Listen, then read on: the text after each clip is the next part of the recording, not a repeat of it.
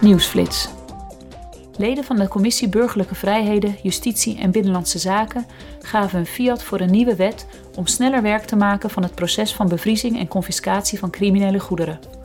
De nieuwe regels zullen ook gaan gelden voor de handel in vuurwapens en nucleair materiaal en voor misdrijven die vallen onder de bevoegdheid van het internationale strafhof.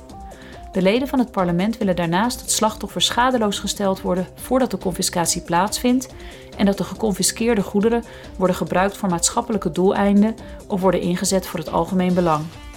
Tussen 2010 en 2014 werd slechts 2,2% van de inkomsten uit misdrijven in de EU bevroren. Deze week vond het vijfde Europees Parlement van personen met een handicap plaats. Tijdens dit eendaagse evenement kwamen meer dan 600 belangenbehartigers, beleidsmakers en andere belanghebbenden op het vlak van handicaps bij elkaar. Op dit platform worden de rechten van personen met een handicap besproken. De voorzitter van het Europees Parlement, Roberta Metsola, opende de bijeenkomst met de volgende woorden. The European Union's motto United in Diversity means Het motto van de Europese Unie, in verscheidenheid verenigd, betekent dat iedereen moet kunnen worden betrokken bij ons Europese project.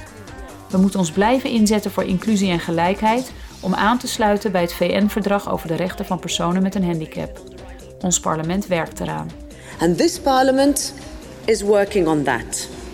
In 2016 introduceerde de Europese Unie als onderdeel van een vrijwillig proefproject in acht EU-landen de Europese gehandicaptenkaart. De Europese Commissie komt naar verwachting tegen het eind van het jaar met een wetgevingsvoorstel over deze kaart.